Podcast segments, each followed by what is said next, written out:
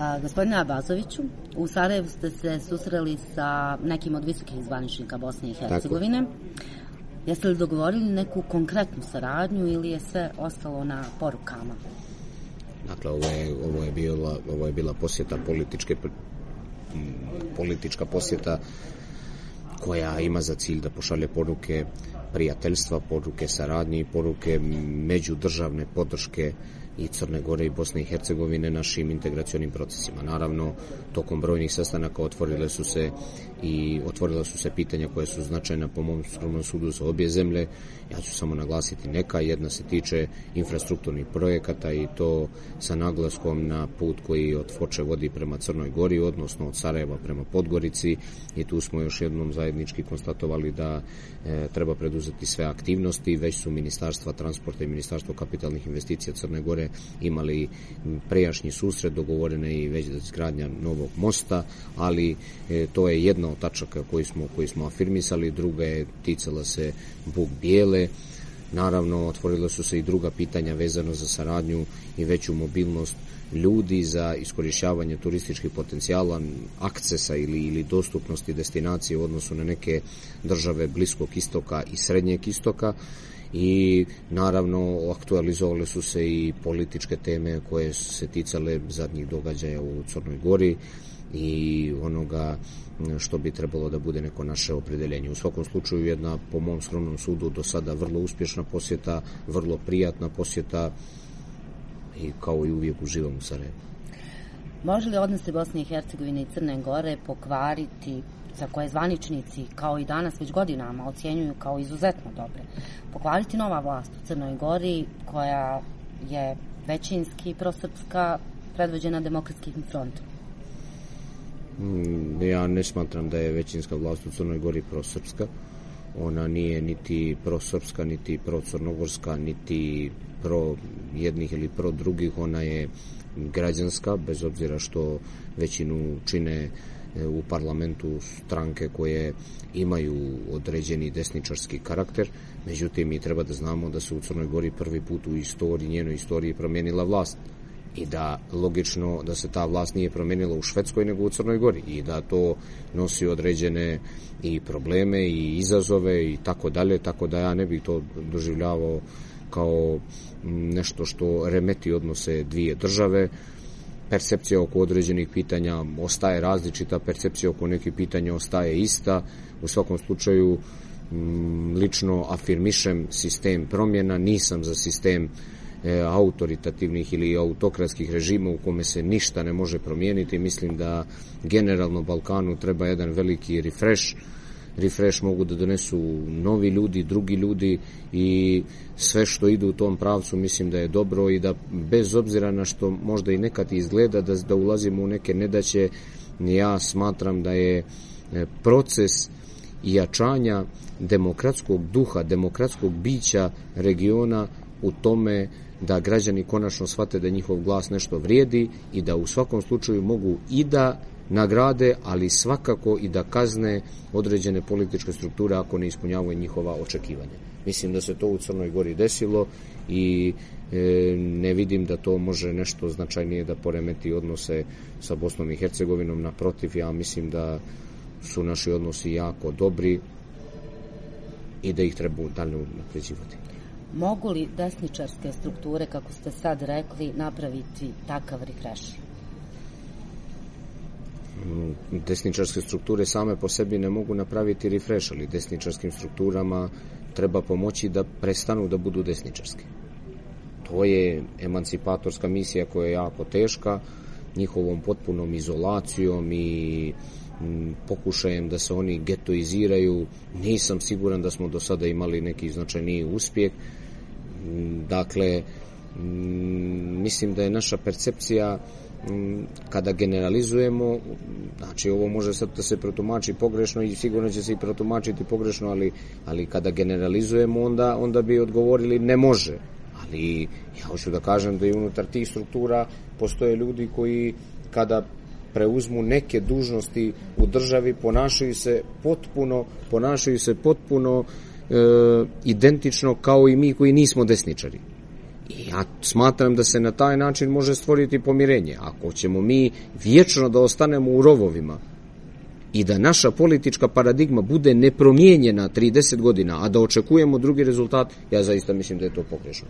Ja mislim da treba napustiti taj rov i da treba uraditi nešto što ljudi ne očekuju. Dakle, moramo da pobjedimo sami sebe, važi i za desničare da pobjedimo sami sebe. I to sigurno nije proces koji će se desiti preko noći, niti ko ima zablude da će se svi oni transformisati preko noći pa će sada zbog toga što participiraju vlasti da budu 100% van svoje, ne, to se sigurno neće desiti, ali proces emancipacije stanovništva i proces percepcije nekih pitanja zaista mora, mora makar za e, prilike u Crnoj Gori da konstatujem da ide u pravom, u pravom smjeru. Ko sada priča o zastavi? Ko priča o himni u Crnoj Gori?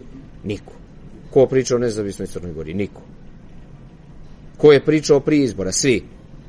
Nemojte, dakle, dakle, nisam ja baš, ja ne, za mene te relacije nisu onakve kakve žele da se prikažu naročito u Bosni i Hercegovini. Ja ne mislim, ne dijelim taj, te stavove. Smatram da kao što svi ljudi koji su bili u prošloj vlasti nisu kriminalci, ali jedan dio jeste, isto tako smatram da mnogi koji sada podržaju ovu vlast nisu svi nacionalisti, iako jedan dio jeste. Razgovorima u predsjedništvu Bosne i Hercegovine danas nije prisustvovao predsjedavajući predsjedništva Milorad Dodik zbog toga što su crnogorski parlamentarci usvojili rezoluciju o Srebrenici. Šta vam to govori? Žao mi je što nije bilo gospodina Dodika, ja sam ga lično očekivao, vrlo bi se radovao i susretu sa njim i razgovori sa njim. Ne moramo da imamo iste političke pozicije kao što ih nemamo možda ni sa nekim drugim e, predstavnicima Bosne i Hercegovine ko, sa kojima smo se sastali, ali to ne znači da mi svoj E, državnički ili državni posao ne treba da obavljamo na način koji je profesionalan. E, ja nemam nikakve restrikcije, sutra bi se sreo sa njim ili sa bilo kim ko ima legitimitet građana da ih predstavlja. Ponavljam, žao mi je, ali naravno poštujem njegovu legitimnu odluku da da, da, da se ne sretne sa potpredsjednikom vlade Crne Gore. Kada je reč o Srebrenici ja i rezoluciji koju je usvojio Crnogorski parlament, to što se može čuti u srpskim medijima i što se može čuti od jednog dijela političara iz Srbije pa i jednog dijela političara iz BiH da je ona uperena protiv srpskog naroda, to je jedna velika neistina. Jedna, jedna flagrantna neistina. Dakle, niti se srpski narod proglašava genocidnim, niti se srpski narod osuđuje kao narod, naprotiv, osuđuju se samo pojedinci, osuđuju se, što je mnogo važno u jednom paragrafu, svi zločini. Svi zločini bez obzira na naciju, vjeru, etničku pripadnost, religijsku pripadnost u odnosu na sve narode i to je mnogo važna činjenica koju želim da, želim da naglasim i mislim da je ona u nekom vrednostnom i civilizacijskom smislu krajnje, krajnje prihvatljiva. Dakle, E, žao mi je što rezoluciju o Srebrenici neki politički subjekti žele da koriste da bi bildovali svoje političke pozicije. To se može smatrati legitimnim, ali mislim da nije djelotvorno za naše društvo i vjerujem da će sve manje i manje biti prilike da se, da se to na taj način da se to na taj način tumači. Ponavljam, nemam nikakvu restrikciju ni prema gospodinu Dodiku ni prema bilo kome. On je dobrodošao u Crnu Goru kad god bude poželio i mislim da, da, da to treba da bude neka, neka poruka. A naravno, njegovo je legitimno pravo da se sastaje sa onima koji želi da se sastaje i da se ne sastaje sa onima koji iz nekog razloga nisu po njegovoj preferenciji. A šta vam je poručio ovim što se nije želio sastati s vama?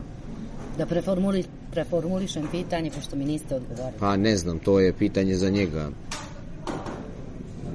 ja realno ne osjećam nikakvu nelagodu, ne osjećam nikakvu nelagodu zbog toga, vjerujte. Ne, razumijem politički kontekst, razumijem da neki ljudi ne žele da iskorače u budućnost, ne žele da, da žele da, da, da, da to se dešavalo i u Crnoj Gori, dakle, da, da ne bude sada je kritika samo na, na gospodina Dodika. Dakle, to se dešava i u Crnoj Gori. Ljudi e, su spremni da elektrišu političku e, političku situaciju samo iz razloga da bi sačuvali sobstvene političke pozicije. To je jedini razlog zbog kojih oni to rade. To nije pomoć narodu, nije pomoć državi, nije pomoć građanima, nego jednostavno da bi se čuvale svoje političke pozicije. U nedjelju 11. jula poklonit ćete se žrtvama Srebrenice. To će isto učiniti predsjednik Crne Gore Milo Đukanović. Jasno je da imate potpuno i diametralno suprotstavljene političke stavove. Čini li vam se da bi zbog budućnosti cijele regije bilo dobro da postoji makar neki konsenzus oko tih elementarnih ljudskih prava, manjinskih prava i pomirenja? Naravno i što se toga tiče tu nikad niti je postojalo sa moje strane, niti sa strane građanskog pokreta URA, niti iz nove vlade Crne Gore bilo kakva dilema da mi moramo baštiniti neke zajedničke vrednosti. To je razlog zašto ćemo i biti prisutni u potočarima.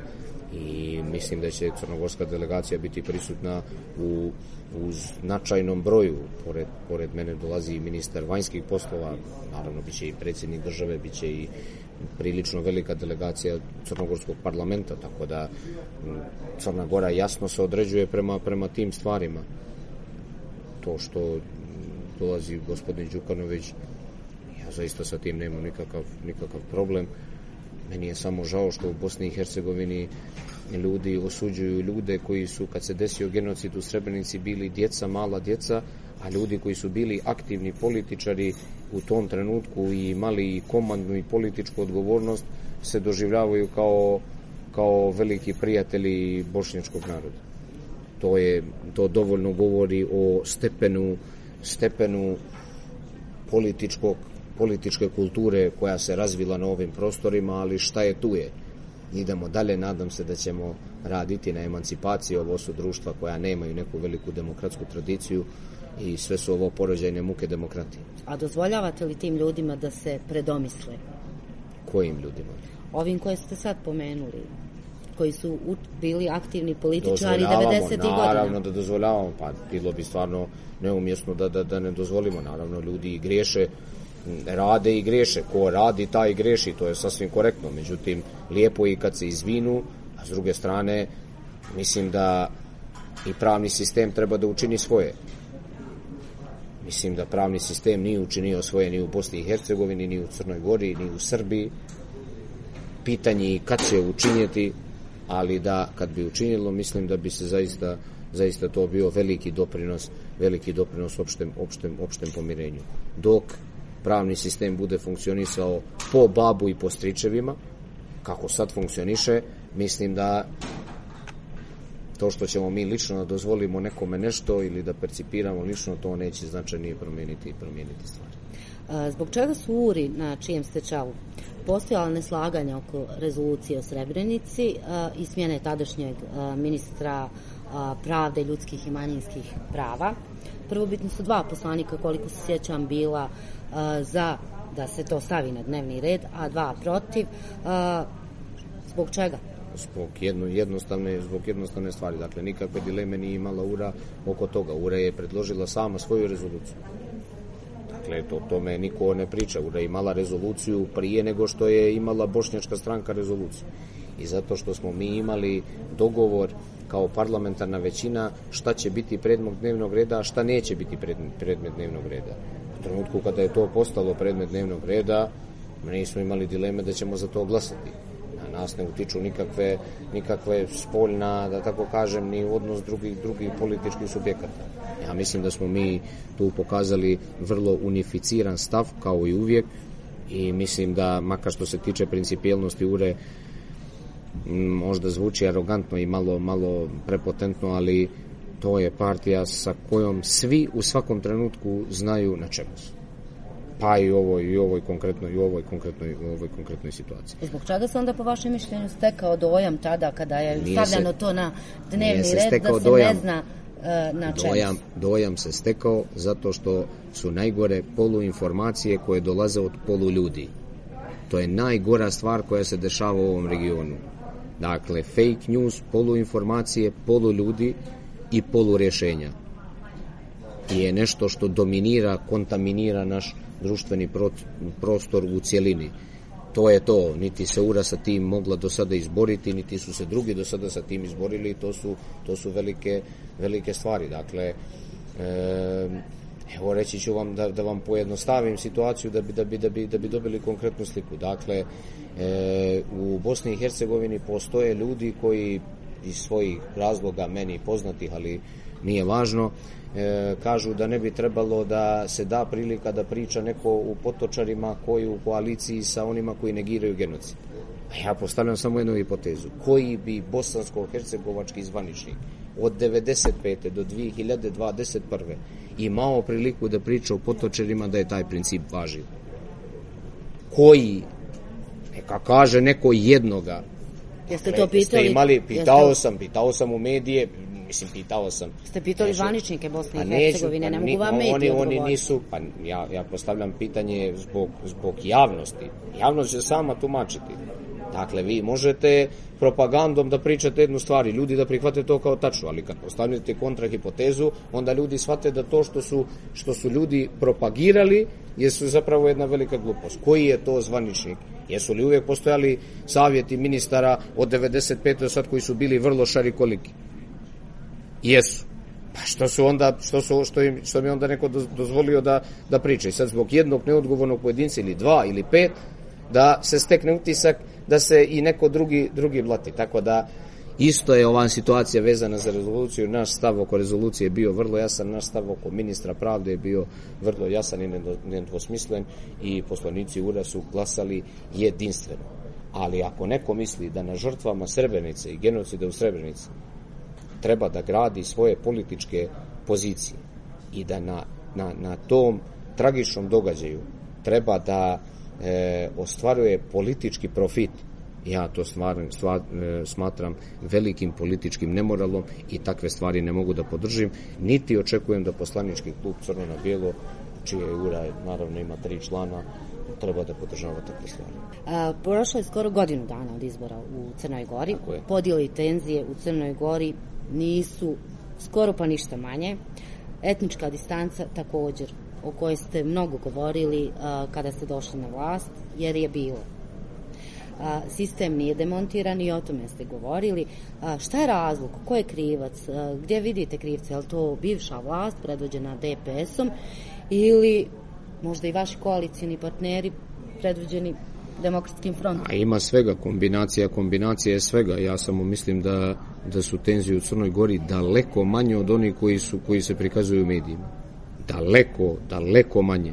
I volio bih da vaša medijska kuća ili bilo ko napravi i sada, pošto je sada počela turistička sezona i ima dosta ljudi iz Bosne i Hercegovine i drugih naravno država u Crnoj Gori, da te ljude kada se vrate anketira i vidi da li su oni osjetili da tamo postoji neka tenzija ili je tamo prilično situacija vrlo relaksirana, a da je med kroz medije napet.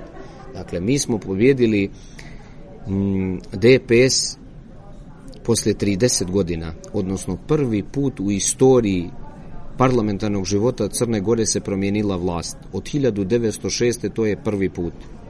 I ti ljudi koji su bili na vlasti 30 godina i stvorili privatnu državu, ne mogu da sjede skrštenih ruku i čekaju da pravda dođe. I iz tog razloga oni potežu jednu jedinu kartu koja je uopšte poznata u svijetu koja se u ovim situacijama može potegnuti, a to je navodno ugrožavanje nacionalnih interesa i države koju navodno štite, a koju su prethodno opljačkali do kostiju.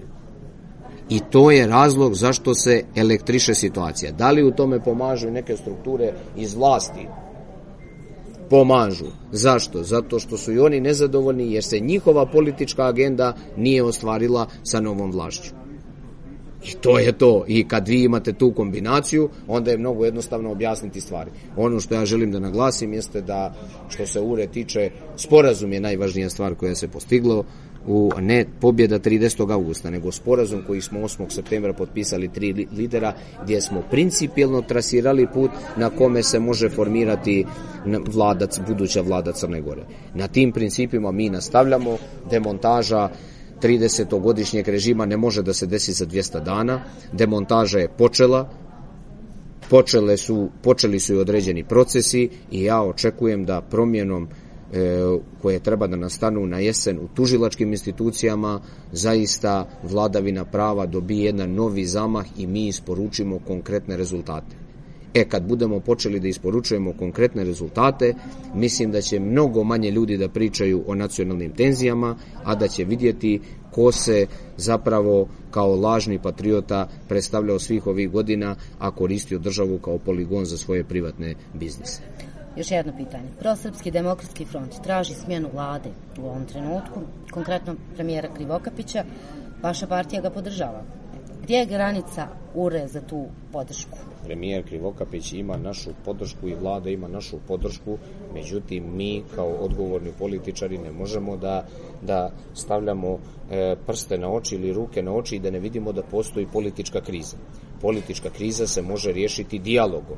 Taj dijalog može da vodi do više modaliteta, potencijalnih modaliteta rješenja, rekonstrukcija, nova vlada, status quo, novi izbori, tehnička vlada, postoji više modaliteta, ali mi ne možemo da budemo van stola, niti želimo da budemo van stola, mi participiramo kao zajedno sa svim ostalim subjektama i tražimo, tražimo neko, tražimo neko rešenje. Dakle, apsolutno ovo nije tačno da mi podržavamo demokratski front, front u rušenju vlade. Ja mislim da vladu Crne Gore je teško srušiti, da bih bio jako iznenađen da neko glasa za nepovjerenje vlade Crne Gore Nisam protiv toga da se i ode na nove izbore, ali mislim da bi tamo najveću cijenu platili upravo oni koji bi srušili vladu, ali možda, možda što bi se reklo, možda nisam, možda nisam u pravu.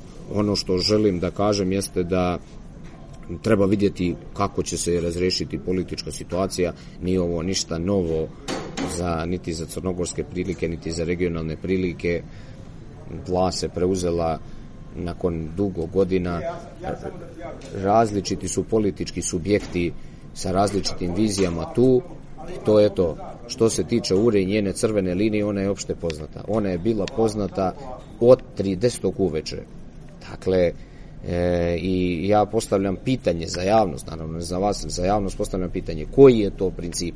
Volio bih da neko kaže koji je to princip koji je ura postavila a da u ovom trenutku neko kaže da nije ispoštovan. Dakle, da li se nešto desilo sa nezavisnosti Crne Gore? Ne.